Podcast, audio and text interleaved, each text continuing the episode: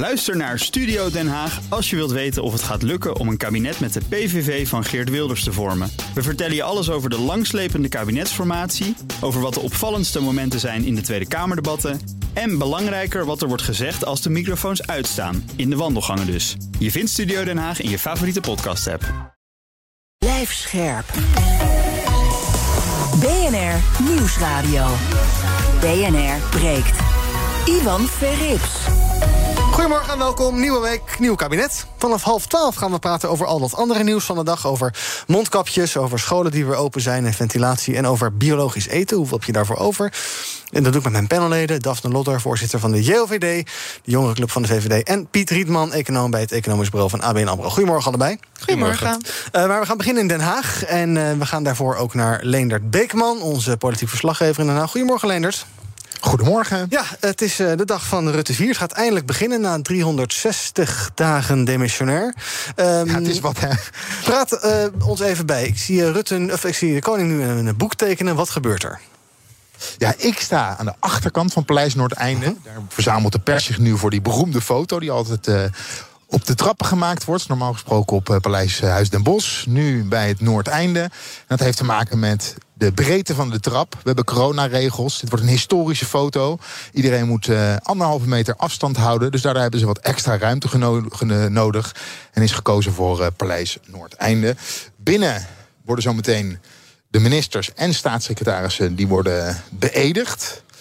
Uh, er wordt er binnen ook nog een foto gemaakt. En als dat allemaal gedaan is, dan pas komen ze naar buiten... om hier, waar ik sta, die beroemde bordesfoto te maken. Ja, ik krijg de indruk dat de beëdiging van Rutte aanstaande is. Die gaan we ook eventjes uh, uh, beluisteren zometeen. Dat is de enige hoor, we gaan niet al die ministers langslopen... want dan zijn we nog wel een tijdje bezig. Het zijn er twintig. Kaag is er niet bij vandaag. Zij heeft corona, dus zij zit thuis. Hoe dat op de foto moet, dat is ook nog wel een interessante vraag. Daar gaan we het zo meteen eventjes over. Weet jij dat, Leendert, hoe dat met die foto, wat foto gaat? Nee, geen idee. En volgens mij weet ook helemaal niemand hoe ze dat hier gaan doen. Dus uh, misschien houden ze een plekje vrij en photoshoppen ze er later in. Ja. Maar uh, misschien staat ze er gewoon niet op. Nee, of ze gaan later opnieuw een foto maken. Nou, laten we even luisteren wat er uh, gebeurt in Den Haag. Carola Schouten, Carola Schouten, minister voor armoedebeleid, participatie en pensioenen... en derde vice-minister-president. Nilan Desselkus, minister van Justitie en Veiligheid. Goedemorgen. Anke Bruins-Slot, minister van Binnenlandse Zaken en Koninkrijksrelaties. Robert Dijkgraaf, minister van Onderwijs, Cultuur en Wetenschap. Keizer Ollongren, minister van Defensie. Mark Harbers, minister van Infrastructuur en Waterstaat. Becky Adriaansens, minister van Economische Zaken en Klimaat. Henk Staghouwer, minister van Landbouw, Natuur en Voedselkwaliteit. Karim van Gennep, minister van Sociale Zaken en Werkgelegenheid. Ernst Kuipers, minister van Volksgezondheid, Welzijn en Sport. Liesje Schrijnemacher, minister van Buitenlandse Handel en Ontwikkelingssamenwerking. Frank Weerwind, minister van Rechtsbescherming. Hugo de Jonge, minister voor Volkshuisvesting en Ruimtelijke Ordening. Dennis Wiersma, minister voor Primair en Voortgezet Onderwijs. Rob Jetten, minister voor Klimaat en Energie. Christiane van der Wal, minister voor Natuur en Stikstof. Connie Helder, minister voor Langdurige Zorg en Sport. Nou, als u meegeschreven hebt, zijn het dus allemaal uh, genoteerd inmiddels. Uh, ik zag ze net uit een bus komen en dan hadden ze allemaal een mondkapje op. Het was toch wel ingewikkeld om ze weer uit elkaar te houden, terwijl ik wel mijn best heb gedaan. En Sigrid Kaag zie ik erbij staan in Den Haag, in het paleis, op een scherm. Dus zij komt via Zoom of Teams of een dergelijke oplossing tot ons. En zometeen dus de beëdiging van die ministers. Ik zei het al, die gaan we niet allemaal uitzenden. Wel ons breekijzer zometeen. Daar kan je naar gaan luisteren. We dus even naar de koning.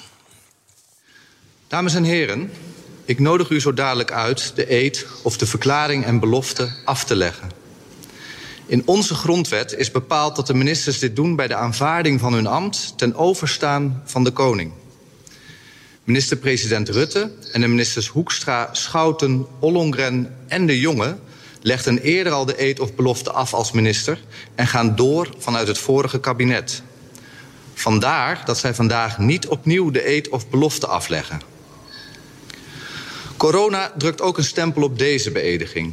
De minister van Financiën, mevrouw Kaag, zal via een videoverbinding worden beëdigd.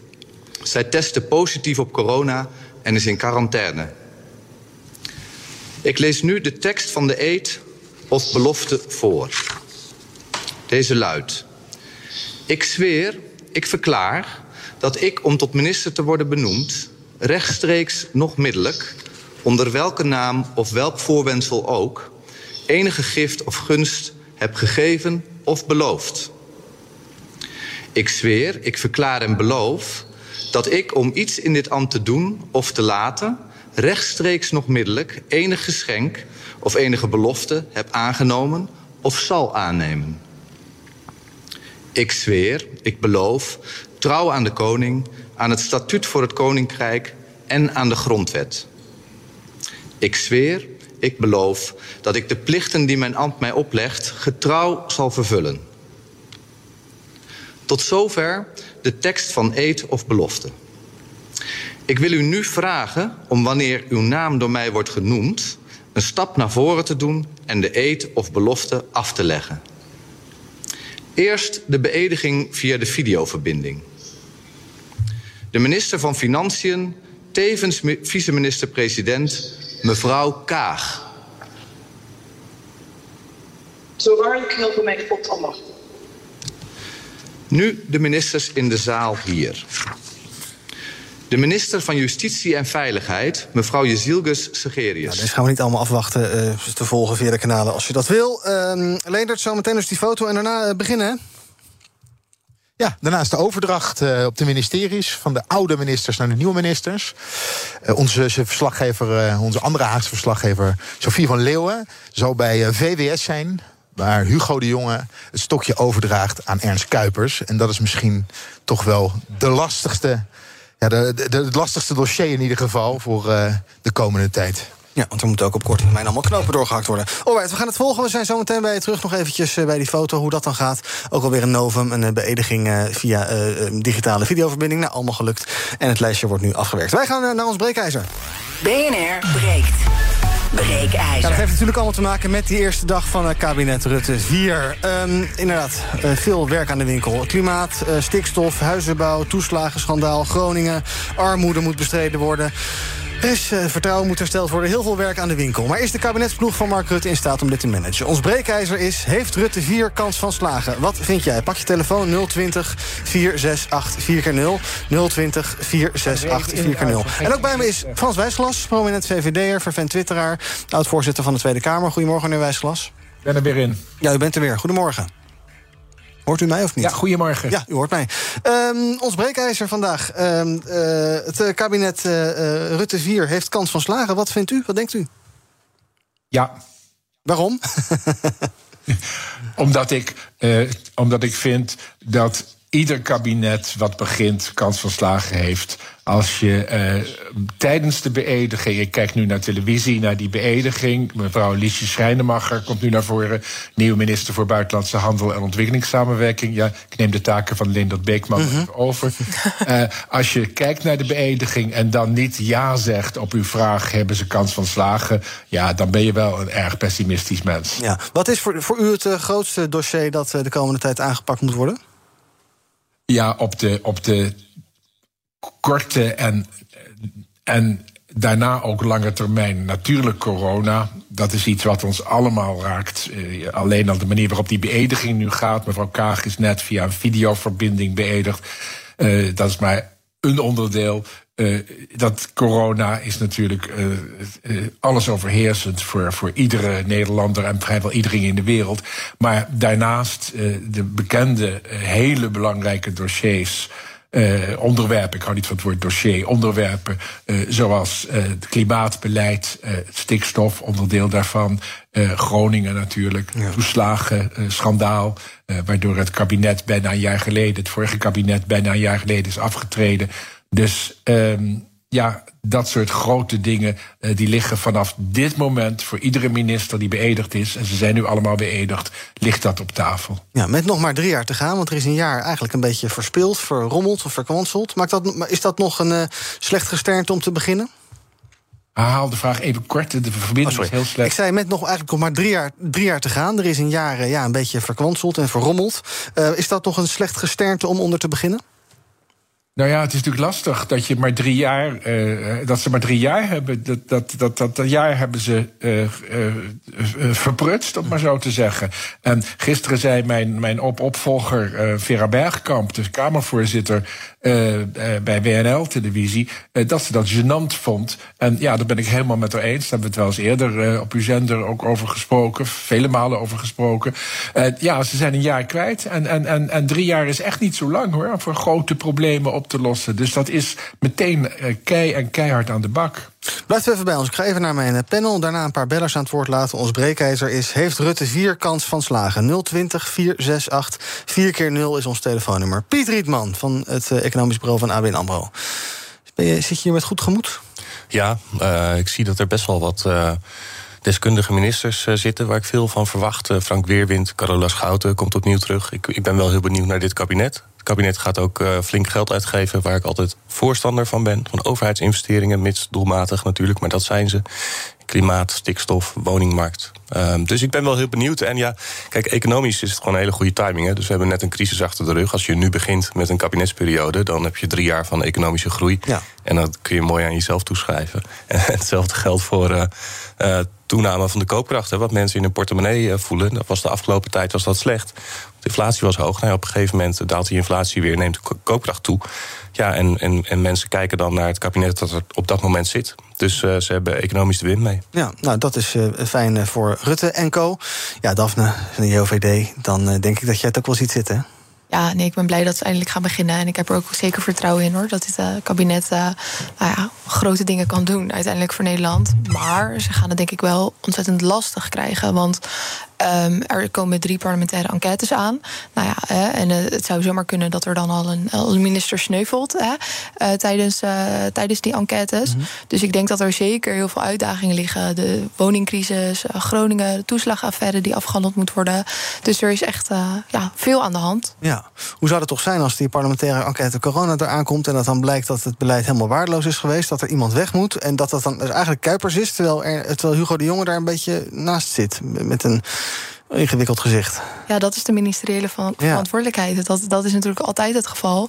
En ik denk um, helemaal nu het vertrouwen in de overheid op dit moment zo laag is, mm -hmm. dat ze eigenlijk niet meer met hun vinger kunnen wijzen naar een voorganger, maar dat er ook zeker verantwoordelijkheid genomen moet gaan worden. Um, maar ja, dat zal uiteindelijk de, de toekomst uitwijzen. Nou, veel optimisme. Kijken of dat uh, onder onze bellers ook zo is. 020 468 4 keer 0 Ons breekijzer is vandaag... Heeft Rutte vier kans van slagen? Wat denk jij? Uh, John, goedemorgen.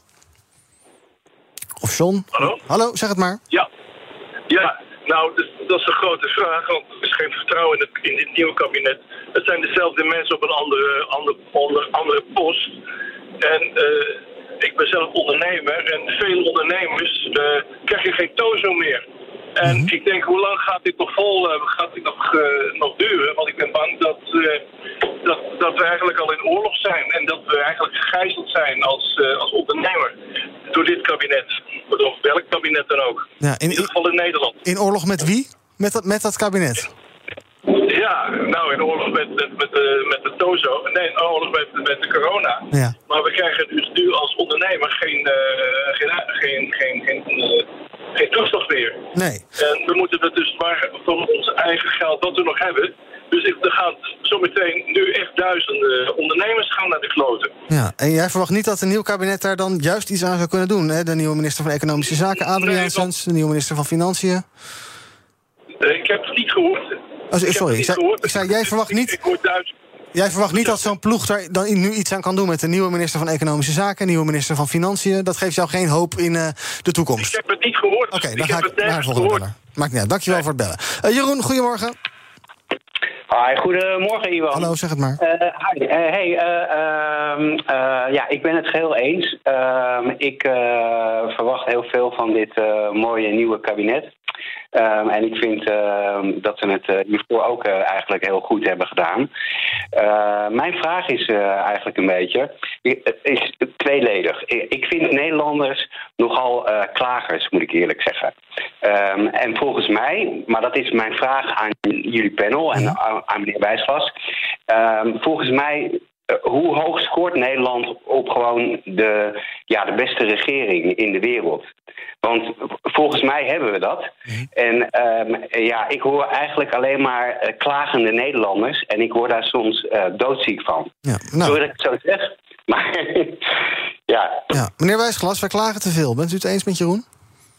Er wordt veel geklaagd en, en, en ook vaak te veel geklaagd. De, de vraag van, van meneer Van Jeroen, eh, hoe hoog scoren we eh, eh, met onze regering vergeleken met andere landen, dat is natuurlijk heel moeilijk te beantwoorden, omdat dat ja, echt subjectief is. De burger van ieder land die moet dat zelf bepalen en dat kan je in, in peilingen en enquêtes zien. En feit is wel dat het vertrouwen in de politiek en in de regering, ook in de Tweede Kamer helaas, eh, behoorlijk gezakt is de afgelopen periode. Dus dat is ook eh, een taak voor, voor het nieuwe kabinet, wat nu het, het, missionaire kabinet is sinds een paar minuten, om dat vertrouwen te herstellen. Maar dat er soms te veel geklaagd wordt, vind ik ook.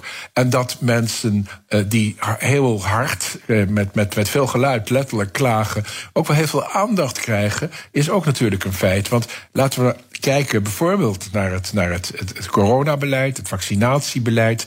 Ja, eh, meer dan 80% van de Nederlandse bevolking eh, is eh, gevaccineerd. en, en klaagt dus helemaal niet over het vaccinatiebeleid. Is blij dat ze eh, de vaccinatie en in vele gevallen ook al de booster hebben.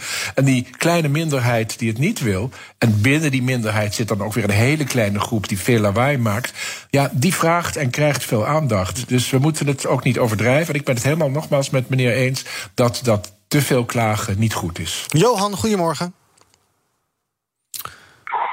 Johan? Goedemorgen. Hallo, zeg het maar. Goedemorgen, hi. Eh, nou, ik, ben het, eh, ik ben het er niet mee eens. Ehm, puur om het feit, ik denk dat, je, dat, dat we in de hele wereld niet uit kunnen leggen dat, dat een, een kabinetgeval is. Het is wel vaker gezegd natuurlijk. om een toeslagenaffaire en dezelfde beleidsbepalers nu gewoon weer op andere posten onderverdeeld worden. Eh, ja, ik, vind dat, ik vind dat te schandalig voor woorden, maar dat, dat, eh, dat, eh, daar hebben we het al genoeg over gehad. Anderzijds denk ik ook dat er zeker ten aanzien van, van Ernst Kuipers, de minister van Onderwijs, dat er twee vakgeleerden komen. Ehm, daar, daar ben ik wel groot voorstander van. Anderzijds heb, heb ik ook mijn, mijn, mijn, ja, mijn wenkbrauwen doet dat bij, mij fronsen. Als we kijken naar Rob Jetten, eh, Kaag en, en eh, de minister van Justitie, die eh, nul achtergrond hebben in een bepaald ministerie en een bepaald vakgebied, en dan toch op die posten ges- gestationeerd worden. Ehm, aangaande ook de, de, de parlementaire, parlementaire enquêtes inderdaad die er nog aan zitten te komen, denk ik dat dit gedoemd is te mislukken. Dit komt onder een vergroot- vergrootglas te liggen. En ik denk dat je, dat je echt een schoon schip had moeten maken ehm, door met andere personen aan te komen. Het liefst ook met andere partijen. Alleen dat laat de verkiezingsuitslag niet toe. Dat is democratie. Zo, zo werkt dat. Eh, ik denk dat het daarom ook een heel heikel punt is. Enerzijds voldoe je aan je democratische plicht door inderdaad samen te gaan werken met partijen die dus een meerderheid hebben. Dus in feite daardoor eh, eh, ja, voldoe je daaraan. Alleen anderzijds is het natuurlijk heel lastig uit te leggen dat je dat met dezelfde partijen doet die dus in een eerder kabinet gevallen zijn om, eh, ja, om een heel treurig en schandalig iets. Eh, ik, ja, ik, ik, ik moet het nog zien. Ik heb, er- ik heb niet zoveel vertrouwen in. Eh, en sterker nog, als, als, als men eerlijk was geweest en, en, en zichzelf in de spiegel had aangekeken, dan had, we hebben het over gehad, Hoekstra, Kaag, Rutte, eh, die jongen die had hier helemaal niet in moeten, niet moeten gaan zitten. Duidelijk, dank voor het bellen, Johan. Piet, als je kijkt naar eh, eh, namen, bijvoorbeeld eh, Kaag was een tijdje geleden minister van Buitenlandse Zaken, wordt nu minister van Financiën. Wopke Hoekstra was minister van Financiën, wordt minister voor Buitenlandse Zaken. Je hebt nog een paar opmerkelijke keuzes. Hanke Bruin-Slot, die dan eh, minister van Binnenlandse Zaken wordt, en Ollongren, die gaat Defensie doen. Is, het, is het slim dat alles gehuzzeld is, behalve Mark Rutte? of had je gezegd van nou, Wopke Hoekstra zit er net lekker in, laten we even doorgaan? Nou, het, het heeft voor- en nadelen als je een minister lang op dezelfde plek laat zitten, natuurlijk. Ehm, Zo'n minister die heel lang op dezelfde plek zit, die krijgt ook veel te veel overwicht in, eh, in de ministerraad, kan ik me zo voorstellen. Dus dat is, eh, dat is toch een nadeel. Dus je moet, je moet ook wel schuiven.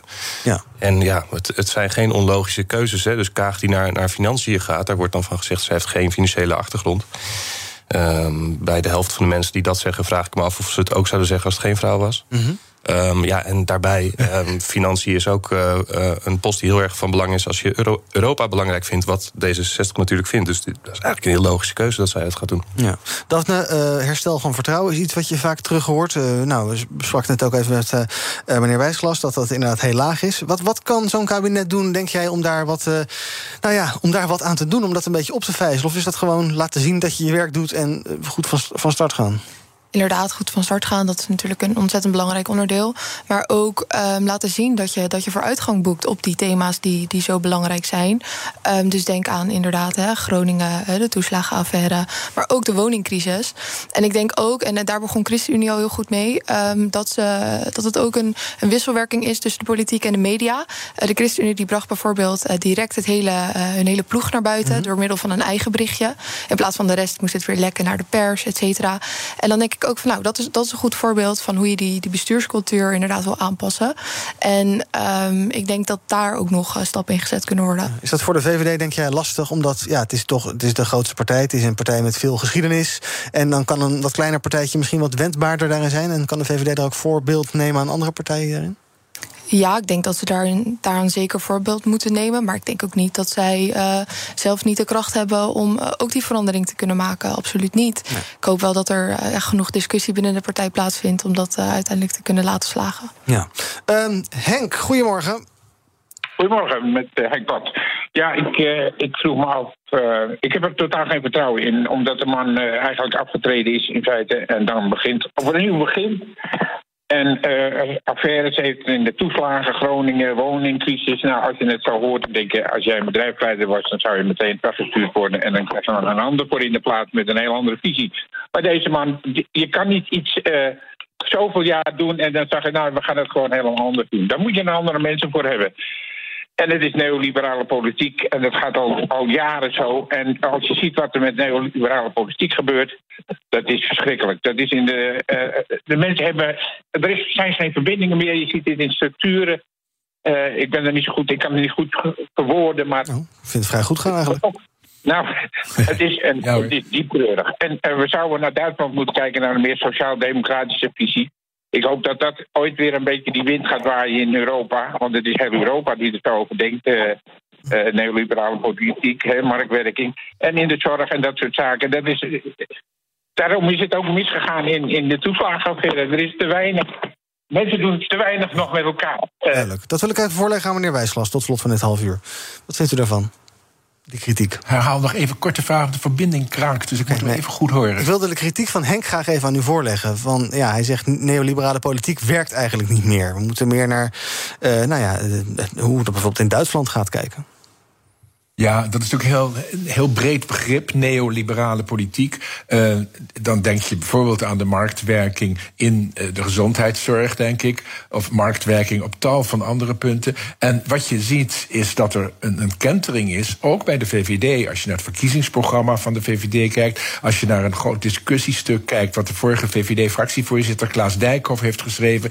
Zie je bij de VVD ook een kentering, uh, een andere rol van de overheid. En met name een overheid, en dan denk ik met, met veel andere mensen aan het toeslagenschandaal. En u merkt dat ik steeds niet het, het woord affaire, maar het woord schandaal uh-huh. bewust noem.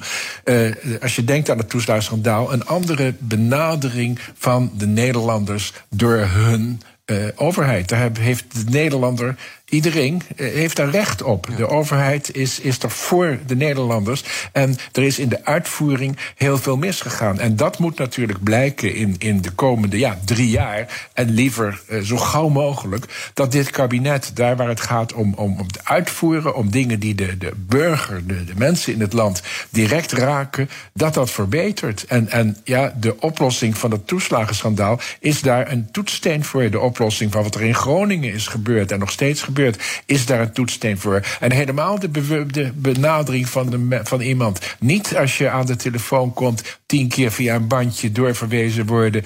Maar wel manieren vinden om een directer contact tussen de overheid en de burger. En dat hoeft natuurlijk niet, niet alleen maar met de ministers, dat kan natuurlijk niet. Maar ook met ambtenaren, ook met ambtenaren in de uitvoering. Er moet een hele andere ja, eh, instelling komen. En ik ben ervan overtuigd, en daarom zei ik in het begin of ik vertrouwen had in het kabinet, dat dit kabinet en dat, dat nieuwe ministers, ook nieuwe gezichten, want het zijn wel dezelfde partijen, maar het zijn een boel nieuwe gezichten, dat die zich dat heel goed bewust zijn en dat dat uh, zal gaan gebeuren. Dank Frans Wijsglas. Ze heeft er vertrouwen in, maar ze moeten zich uh, wel bewijzen. Dus nog oud-voorzitter van de Tweede Kamer en prominent VVD'er ook te vinden op Twitter voor commentaar op al het politieke. ik sluit dit half uur even af bij Leonard Beekman, onze politiek verslaggever in Den Haag. Ja, die foto die zou geloof ik uh, rond uh, 11 uur 20 komen, maar dat is blijkbaar een beetje vertraagd. Um, nee, ja, dat komt omdat ja. het een foto binnen is om 11 uur 20. Binnen maken ze ook een foto. Ik kan niet zien of dat daadwerkelijk nu gebeurt. Want ik sta aan de achterzijde van Paleis Noordeinde bij de trappen. Waar zometeen om tien voor twaalf daadwerkelijk, hè, zoals de planning nu is, de bordesfoto gemaakt wordt zoals we die kennen. Wat trouwens nog wel even leuk was, uh, we kregen net heel even de ruimte om ook richting die trappen te lopen. Dat heb ik natuurlijk ook even gedaan. En uh, ben ik even gaan kijken of er ook een naambordje stond voor Sigrid Kaag. Maar die kon ik dus niet vinden. Er is ook geen plekje vrij voor haar gehouden. Hè, omdat ik zijn het gekscherend onderin er, erin te photoshoppen. Uh, dus hij wordt echt helemaal gemaakt zonder Kaag. En misschien dat er later nog eens een keertje een nieuwe foto wordt gemaakt waar ze wel bij staat. Ja, nou, ik geloof dat ze nu bezig zijn met de foto binnen. Alright, Lener, dankjewel. Blijf het volgen als er nieuws is, horen we jou graag vanuit Den Haag. Onze breekijzer vandaag in BNR Breekt was... heeft Rutte 4 kans van slagen? Ook uh, kon je stemmen, kan je nog steeds stemmen de hele dag op Instagram. Daar is nu zo'n 60% het oneens. 40% ziet er dus wel zitten. 60% is het oneens. Zometeen in het tweede half uur van BNR Breekt praten over al het andere nieuws van de dag. Over het OMT-advies over de mondkapjes. Want die bergen oude mondkapjes, die kan je gewoon allemaal weggooien. En we gaan het hebben over het nieuwe, uh, nieuwe coronavariant. Die zou luisteren naar de onheilspellende naam Deltacron. Tot slot, biologisch eten. Hoeveel geld heb jij daar eigenlijk voor over? Zometeen in het tweede half uur van BNR Breek. Tot zo. Ook Thomas van Zeil vind je in de BNR-app. Je kunt live naar mij luisteren in Zaken doen. De BNR-app met breaking news, het laatste zakelijke nieuws... en je vindt er alle BNR-podcasts, bijvoorbeeld Het Nieuwe Geld. Download nu de gratis BNR-app en blijf scherp. BNR Nieuwsradio. BNR breekt. Ivan Verrips. Welkom terug bij BNR Breekt. In mijn panel vandaag Daphne Lodder, voorzitter van de JOVD... en Piet Rietman, econoom bij het Economisch Bureau van ABN AMRO. En we gaan praten over het nieuws van de dag. We beginnen even bij het Outbreak Management Team...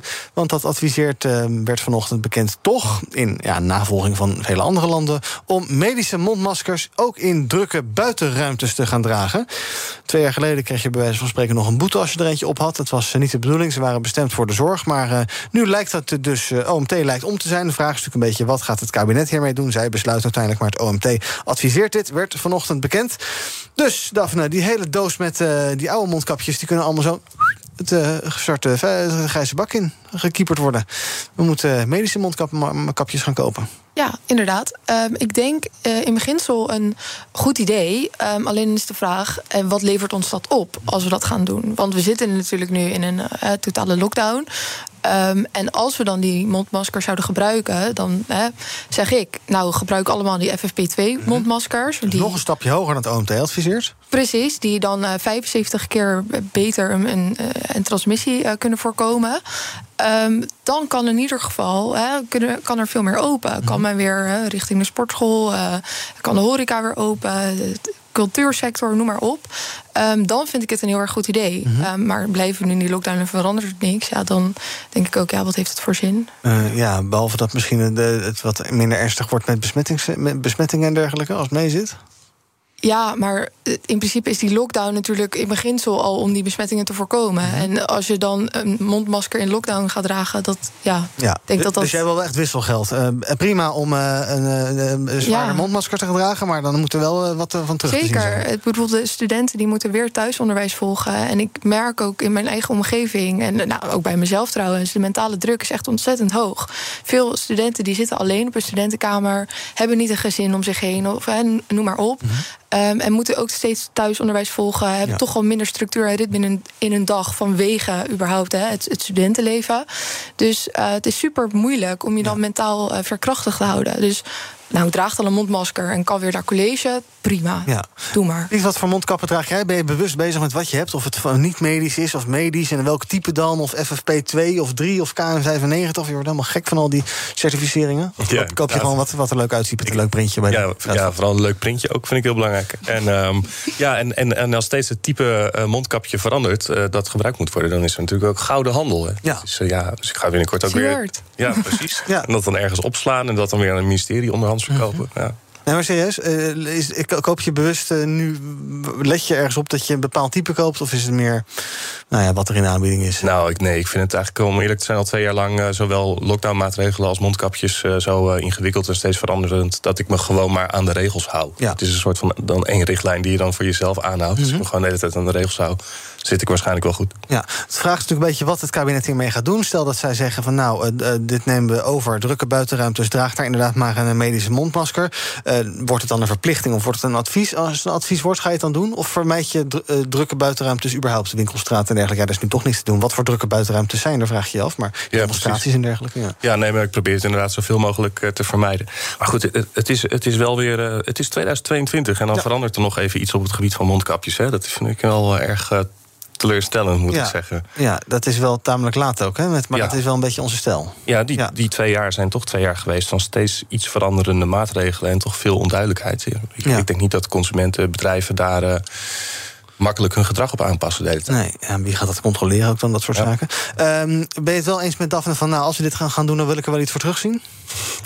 Ja, dat was eigenlijk wel wat je zei. Hè? Ja, nou ja, zo, zo denken natuurlijk eh, de, de meeste mensen. Dus dat vind ik wel een logische gedachte. Ja. Nou, mooi. Dan mag de tent weer open, wat mij betreft. Ehm, dan is er ook een eh, nieuwe coronavariant ge- aangevonden, aangetroffen.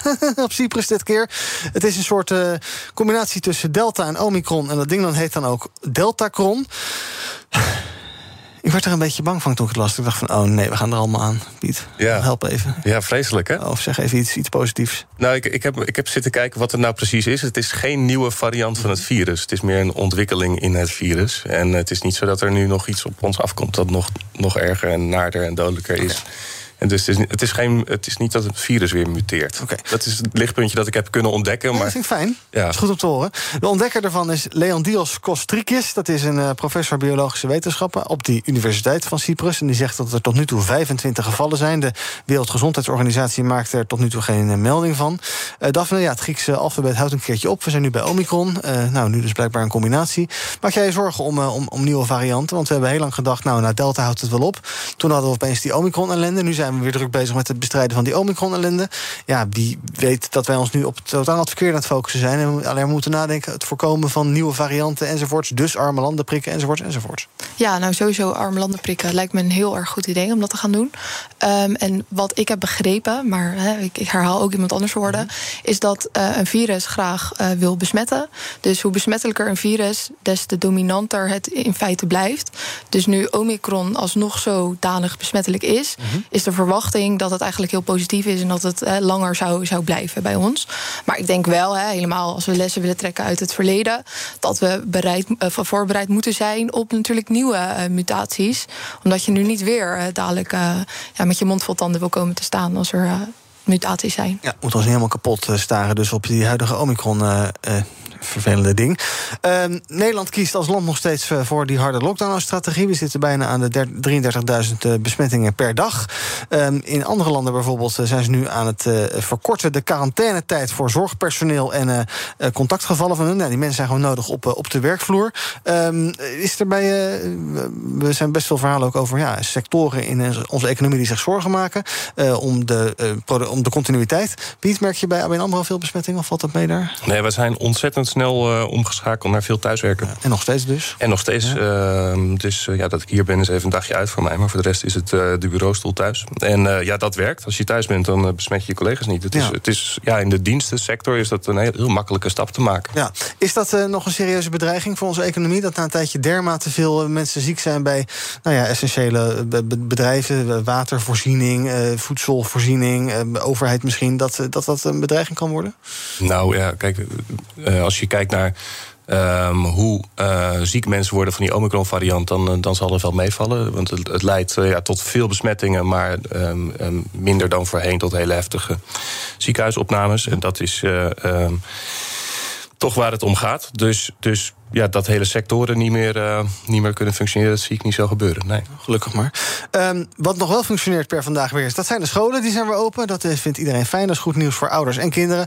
Basisscholen en middelbare scholen moesten dicht. Je weet het voor kerst, extra weken kerstvakantie.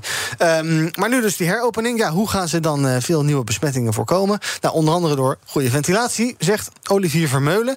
Hij is een directeur van vier basisscholen in de gemeente Albrandswaard. En hij zegt dit. Dat is een hele lastige, zeker als het koud is. Uh, want je zult moeten uh, ventileren en tegelijkertijd wil je kinderen ook een beetje een comfortabele omgeving geven. Uh, en ja, die, die, dit is een soort van uh, kiezen tussen kwaden eigenlijk. Ja, kiezen tussen kwaden. De leraren hebben zin om weer voor de klas te staan, maar het is ook voor hen een spannende tijd. Je weet gewoon dat als er een kind in de klas zit, wat zelf misschien nog niet eens weet dat het besmettelijk is, dat dat echt wel effecten kan hebben voor heel veel mensen. En ook dus ook voor leerkrachten in hun eigen privésituatie. maar ze staan er en ja, daar ben ik natuurlijk ook trots op dat ze dat gewoon doen. en het belang van het kind eigenlijk voorop zetten. Ja, verhaal bij de NOS vandaag, Daphne. we hebben weken, zo niet maanden gehad om dit voor te bereiden. En nog steeds is ventilatie een ding. Heeft allemaal te maken met geld. Hoe ja. kan dat nou nog? We smijten overal geld naartoe en dit is dan nog steeds een probleem. Een van de belangrijkste dingen, onderwijs. Ja, morgen mag ik weer voor de klas gaan staan en uh, ramen open, jas ja, aan. Heb je een CO2-meter? Ja, CO2-meter heb okay. ik inderdaad. Dus uh, die geeft aan, maar je kan je raam niet nog wijder openzetten nee. dan open. maar dat, dat werkt goed. Mm -hmm. um, alleen, ik vind het wel belachelijk te noemen... dat er niet veel meer is geïnvesteerd in die betere ventilatie op scholen. Dus die systemen. In plaats van dat wij nu al anderhalf jaar hè, met het raam open zitten. Het wordt de tweede winter. Ja. Uh, dat ik uh, zo voor de klas mag gaan staan. En ik zelf probeer dan nog een beetje hè, druk te bewegen. Bewegelijk houden, ja. ja, maar die kinderen die moeten natuurlijk gewoon zitten... en met hun mond dicht naar mij luisteren. En die zitten dan met hun jas aan, muts op... mondkapje voor het gezicht, onder uitgezakt in die stoel. Wat ik me ook ergens wel kan voorstellen. Maar ja, het is gewoon eh, niet productief. Daarnaast staan alle lokaaldeuren open. Mm -hmm. Dus als ik een keer eh, iets hard een uitleg geef... of er is een grapje of wat dan ook... horen ze twee deuren verderop ook ja. wat er gebeurt. Dus dat zorgt ook voor veel meer onrust tijdens je lessen. Um, dus nee, ik vind het echt uh, stom... dat er nog niet veel meer geld is geïnvesteerd... Um, in, die, uh, in die betere ventilatie. Ja. En het fijn dat jij naast docent ook uh, enige politiek bewustzijn hebt als voorzitter van de JOVD. Ja. Hoe komt het, denk je? Is het, um, waarom is het geen prioriteit? Uh, omdat uh, scholen dit zelf moeten betalen. En de overheid vergoedt 30 procent um, van zo'n nieuw ventilatiesysteem. Uh, maar de aanleg daarvan kan volgens mij een half miljoen tot anderhalf miljoen euro kosten. Ja, die scholen hebben dat geld gewoon niet liggen. En de overheid heeft gewoon eigenlijk altijd gezegd: joh, school, He, los dit zelf op. Um, maar dit blijkt gewoon niet te kunnen. Dus vind ik dat de overheid dat extra stapje moet zetten. En los van dat ze nu nou, in meer of mindere mate uh, ook ondernemers in andere sectoren helpen, uh, moeten ze ook extra inspringen in het onderwijs. BNR breekt. We gaan eventjes naar uh, Thomas van Zel. Die presenteert zometeen Zaken doen. Zal wachten op de bordesfoto. Het zou leuk zijn als je daarbij kon staan, Thomas. Maar dat gaat niet gebeuren. Nou ja, ik zou wel aan de zijkant willen staan. Dan kunnen ze er altijd weer afknippen mocht het uh, oh, nodig ja, zijn. Dat is waar. Ja. Maar goed, jij bent gewoon in Amsterdam. Hey, met wie ga je praten en waarover zo Met uh, Tom van Aken, de topman van Avantium. Uh, bekend van het bioplastic dat zij naar de markt gaan brengen. Dat de gewone plastic flessen die we kennen van onder andere frisdranken gaat vervangen. Dat is een belofte die al een paar jaar wordt gedaan. En daar is natuurlijk een fabriek voor nodig. Het lijkt er nu daadwerkelijk van te gaan komen. Er is geld, er zijn plannen. Uh, dus er komt echt een fabriek in Groningen die bioplastic gaat maken als uh, rest van houtsnippers onder andere. Um, dus de vraag is, is daarmee dan ook dit bedrijf daadwerkelijk volwassen geworden? En zijn er grote klanten ook al aan boord om dit tot een succes te maken? Want nieuw plastic lanceren, zomaar naar de markt brengen, dat is nogal een flinke, lange weg, een flinke uitdaging. Dus daar gaat het zo meteen over. Wij hebben natuurlijk ook aandacht voor wat er in Den Haag allemaal gaat gebeuren. Ja, die bordesfoto, dat is dan toch net om 12 uur geloof ik, hè? Ja, iets daarvoor geloof ik. Over een minuutje, paar minuutjes al. Oh, wat ja. spannend. Nou, ik zal het niet, ik zal het niet ja, ja, door, zeker weten... voordat oh. we over de kleur van de jurkjes gaan praten. Doe je dat niet? Uh, nee, wat zeg je? Doe je dat niet? Ik, ik, ik doe dat niet, nee. nee. Maar jij mag het zeker doen zo meteen hoor. Nou goed, dus dat. Ja. Het economenpanel is er. Het is voor het eerst voor mij ook met een half uur langer. Oh ja. uh, dus wij gaan het ook hebben over uh, ongevraagd advies aan een beleggingsgoeroe... die nu op een uh, ja, zeer dubieuze wijze een uh, beursgang plant. Uh, dus dat uh, ga je zo meteen ook horen in uh, BNR Zaken doen. Vanaf 12 uur allemaal. dankjewel. BNR We hebben nog even met de ANCO gebeld voor deze uitzending. Dat is de Club van Kappers. Want we dachten, is het leuk om aan het begin eventjes eh, te horen... Het geeft natuurlijk heel veel te doen over coronakoep. Ze gaan ze niet stiekem naar de kapper. Hoe lopen ze erbij? Maar de directeur van de ANCO zat op de hei en dag, dus die kon niet. Nou, oké, dan doen we dat niet. Uh, mijn panel bestaat vandaag uit Daphne Lodder van de JOVD... en Piet Rietman van het Economisch Bureau van ABN AMRO. En we gaan uh, kijken naar wat jullie opviel in het nieuws, Piet. Ehm, misschien ga ik je zo onderbreken, mocht die foto gemaakt worden... want dan kunnen we even de sluiter laten horen. Maar wat, waar wil jij het over hebben? Ja, dat de industrie zo groeit. Dat klinkt heel saai. Maar dat is het niet. Um, er is af en toe elke maand komen er nieuwe groeicijfers over de Nederlandse industrie naar buiten. En ik ben al steeds zo gefascineerd van waarom die nou zo hoog zijn. Ik heb vanochtend dat nog eens een keer gevraagd aan Optian Zwart. Dat is onze industrie-econoom bij ABN AMRO. En die zegt eigenlijk van ja, dit is vooral gewoon de groei van de machine-industrie. Dus er zijn bedrijven als ASML. Um, er wordt nu heel veel geklaagd over toeleveringsketens die niet werken. Maar we hebben in Nederland zulke innovatieve bedrijven zoals ASML, ja, die zijn eigenlijk gespecialiseerd in die toeleveringsketen. Dus daardoor groeien die heel hard. Ja, we hebben machinebouwers voor de voedingsmiddelenindustrie. Eh, omdat we een handelsland zijn, eh, eh, doen die machinebouwers het ook ontzettend goed. Ja, en ik vind dat zo ontzettend gaaf eigenlijk dat we kennelijk in Nederland een paar randvoorwaarden hebben. Waardoor één specifieke sector, de industrie, het ondanks de crisis ontzettend goed blijft doen. Dus er is ook gewoon goed nieuws over de economie op dit moment. Ja, en daar is dus nu heel veel vraag naar. Ja. Um, en wat betekent dat voor onze economie in het brede plaatje? Zie je dat echt terug in, uh, nou ja, in cijfers? Ja, dat is de productiviteitsgroei en ook banengroei. Dus banengroei in de industrie. Uh, er is loongroei in de industrie. Die ligt iets boven de loongroei van de rest van het land. Dat zou allemaal nog wel wat meer mogen natuurlijk. Maar het is gewoon een, ja, een sector waar Nederland op dit moment voor een deel op drijft. Dus dat uh, mag ook wel eens gezegd worden. Ja. Mooi. Um, en voorzie jij dat dit ook zo blijft? Of is dit iets wat um, nou, aflopende zaak is ook weer een keer? Ja, ik denk het wel. Kijk, het is een uh, sector die dus... Het, en dat is een, een voorbeeld voor andere sectoren misschien. Het is een sector die het goed doet ondanks personeelstekorten en ondanks materiaaltekorten. Die twee dingen, personeelstekorten en materiaaltekorten, zien we op dit moment overal in de economie. En ja, we hebben dus één sector als voorbeeld die kan functioneren ondanks die twee vormen van tekorten. Mhm. Dus daar kunnen we veel van leren. En ik denk dat dat uh, iets is dat we het komend jaar ook nog wel gaan zien. Ja, mooi voorbeeld dus ook voor andere sectoren. Juist. Ja. Interessant. We gaan even kijken wat er training is op de socials tot slot. Nou, nog niet helemaal tot slot hoor, maar uh, ongeveer tot slot. Nou ja, je begrijpt wel, hashtag Rutte 4, net beëdigd. Wat gaat het nieuwe kabinet doen en wat gaan de ministers brengen? Ook hashtag Deltacron is trending. De mogelijke nieuwe variant van het coronavirus. Dan opmerkelijk nieuws over uh, de beroemde witte klif in Sicilië. Beklad met rood poeder. De regionale president noemt het een laffe actie... en een aanval op de schoonheid van het eiland. De politie gaat het uh, tot op de bodem uitzoeken hoe het zit. En Novak Djokovic mag uh, toch meedoen aan de Australian Open. Althans, zo lijkt het. De rechter heeft gesproken, hij mag blijven. Uh, het intrekken van zijn visa wordt weer ongedaan gemaakt. En die rechter die was eigenlijk al voor die uitspraak... zo klonk het ja, best wel op de hand van de tennisser. And the point I'm somewhat agitated about is what more could this man have done? Ja, die rechter zegt dus uh, Djokovic heeft al genoeg gedaan en wat kan je hem nou nog uh, kwalijk nemen? Nou, dat is fijn. Die mag dus lekker gaan tennissen en uh, mag de titel verdedigen. Volgende week maandag begint de Australian Open. Tot slot van dit uurtje praten we nog eventjes over biologisch eten. Bijna de helft van de Nederlandse consumenten is bereid om een kleine meerprijs, een procentje of tien te betalen voor biologisch eten. Blijkt uit onderzoek van het Future of Food Institute in Den Haag. In opdracht van Bionext en dat is dan de Nederlandse branche organisatie van biologische ondernemingen. Maar als die, uh, uh, dat biologisch eten aanzienlijk duurder wordt, bijvoorbeeld 20%, dan wil een derde er nog maar geld voor uittrekken. Dus we hebben er wel iets voor over, maar niet heel veel mensen hebben er heel veel voor over. Even in de uh, boodschappenmandje van Daphne Lodder kijken. Ben jij bewust bezig met biologisch eten? Of pak je gewoon uit de vakken van de supermarkt wat je lekker vindt, wat je gewend bent om te eten? Of kijk je er wel eens echt goed naar? Nee, ik kijk er op zich wel, uh, wel goed naar, inderdaad. Um, ook vleesvervangers. Um, kijk ik ook naar. Mm -hmm. Maar uh, wat ik vooral belangrijk vind, hè, biologisch of niet, is natuurlijk ook, ook een ding. Maar dat we de negatieve uh, externe effecten van vlees uh, gaan inprijzen. Dus als het heel erg milieuvervuilend is, betalen we nu eigenlijk te weinig voor ons vlees. Dan dat het echt kost. Omdat wij ook het milieu daar heel erg mee, mee beschadigen en belasten. Um, dus daarvoor ben ik, uh, daar, ja, ben ik zeker voorstander van. En dan ben ik ook zeker bereid om iets meer te betalen. Of je consumeert gewoon minder vlees. Ja. Dan kun je ook als je het weer koopt, uh, eh, meer eraan uitgeven. Ja. Maar eigenlijk zou je dus, jij bent eigenlijk bereid om niet biologisch eten meer voor te betalen. hoort, ja. bijna, hoort bijna andersom een soort van bij jou. Je moet, uh, je moet de, ja, slecht gedrag meer afstraffen. Nou, nu biologisch eten is natuurlijk ook heel erg belangrijk. Mm. Hè? Laten laten we wel wezen. Maar ik denk vooral dat het vervuilende aspect van eh, de productie van vlees eh, ja, een nog eh, prangender issue is. Ja. En biologisch eten, dat is soms ook nog heel vervuilend, blijkt. Ja. Dus ja, ook die negatieve externe effecten inprijzen. Ja. Als je voor een biologische variant kiest, ben je dan bereid om daar meer voor te betalen? Of zeg je, nou, dat moet maar, ze moeten maar gewoon hun best doen en zorgen dat het net zoveel kost als de niet-biologische variant? Nee, ik ben er wel bereid om daar meer voor te betalen, absoluut, zeker. Ja. Hoe zit dat in het winkelwagentje van Piet Rietman? Ja, de- ik ben heel fout bezig eh, in de supermarkt. Het is allemaal niet biologisch en zo veel vlees en zo. Ehm, maar als het duurder zou zijn, dan zou ik inderdaad daar naar handelen. Ja. Dan zou ik eh, waarschijnlijk minder kiloknallers kopen.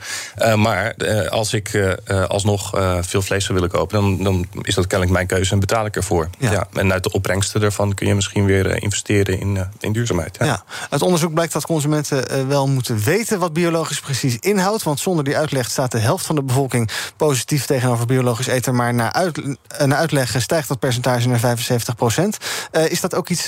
wil je meer informatie hebben over biologisch eten? Is dat, zou dat belangrijk zijn voor jou? Dat zou zeker helpen, ja. Ik, ik denk wel trouwens dat je kunt ook wel alles bij die consument neerleggen. Dus als we die consument maar eh, wat meer laten betalen en wat meer informatie geven, dan gaat hij zelfstandig keuzes maken. Eh, dat is denk ik voor een deel zo, maar het is ook een kwestie van systeemverandering. Als je bepaalde vormen van milieuvervuiling niet wil, ja, dan moet je het verbieden. Hè? En dat, eh, dat, ja, dat, dat, dat werkt eh, veel directer. Veel beter. Als het gewoon niet te kopen is, dan kan je het ook niet kopen. Dan kun je het niet kopen. Tot slot gaan we nog even een fotootje kijken. Eh Leonard Beekman, onze politiek verslaggever in Den Haag. Ik zag eh, Willem-Alexander en Rutte naar buiten komen. En daarna kwam eh, Dijkgraaf. Zie jij ze nu ook, eindelijk? Ja, ze staan buiten. Nog niet allemaal. Ze komen één voor één komen ze naar buiten Mhm. gelopen. Want ook door de coronamaatregelen kunnen ze niet in één stoet naar buiten en dan hun plekje gaan zoeken. Nee, het is één voor één naar buiten. Dus mondkapje leveren. een beetje. Ja, inderdaad, onwennig naar het plekje zoeken. Het is toch wel een apart gezicht hoor. Met alle ministers en staatssecretarissen op zo'n grote afstand van elkaar. Het past maar net. Eh, Rutte staat uiteraard naast koning Willem-Alexander. Bobke Hoekstra staat daar ook naast hè, als vicepremier. Carola Schouten staat erbij als vicepremier. En dan langzaam, eigenlijk naar belangrijkheid... eh, eh, staan ministers en staatssecretarissen. Nou, hoe, eigenlijk komt het erop neer hoe dichter je bij de koning staat... hoe belangrijker je positie is. En hoe verder weg je staat. Ja, ja staatssecretarissen niet, hè? Alleen ministers. En, Oh, eh, ja. en eh, inderdaad, het is, het is een heel ingewikkeld protocol... Hè, op anciëniteit van eh, hoe belangrijk je, je ministerie is... en hoe, hoe lang je al zit. En inderdaad, of je vicepremier bent, dan sta je weer vooraan. Dus het is een hele puzzel die gelegd is.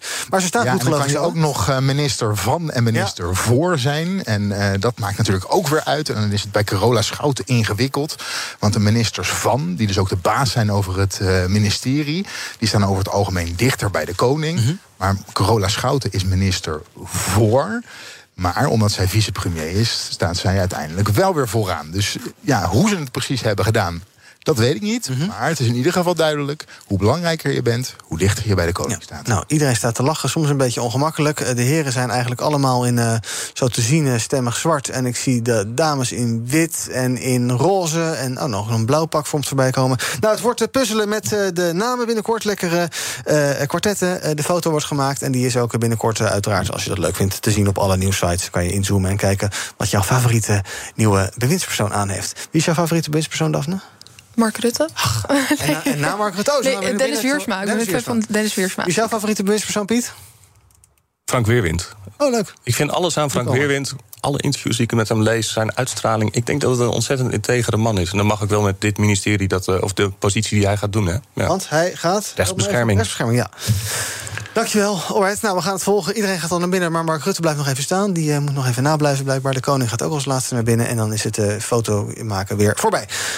Ah ja, dat zijn nog de... eh, ja, precies, per rijtje gaan ze weer naar binnen en dan is het voorbij. Alright, dankjewel. Dankjewel, eh politiek verslaggever Leonard Beekman. Die heeft het hele uur zitten luisteren naar ons gezwets... en af en toe ook nog wat eh, gezegd toen het belangrijk werd in Den Haag. En vooral dank aan mijn panelleden vandaag. Daphne Lodder van de JOVD en Piet Rietman van ABN AMRO... het economisch bureau al daar. Morgen ben ik er weer. Dan een gewone uitzending zonder allerlei plichtpleging in Den Haag... met een breekijzer, deskundige bellers enzovoorts. Ik heb er nu al zin in. En zometeen dus eerst zaken doen met Thomas van Zel. En ja, ook dan ontkom je niet aan nog veel meer... over de start van het nieuwe kabinet Rutte 4. Want dat is nu echt begonnen. Maar wat mij betreft tot morgen. Ook Hugo Reitsma vind je in de BNR-app. Superhandig die BNR-app. Je kunt alle programma's live luisteren, breaking nieuwsmeldingen. Je blijft op de hoogte van het laatste zakelijke nieuws. En je vindt er alle BNR-podcasts, waaronder natuurlijk de belangrijkste, Boeken zijn in de wijk. Download nu de gratis BNR-app en blijf scherp.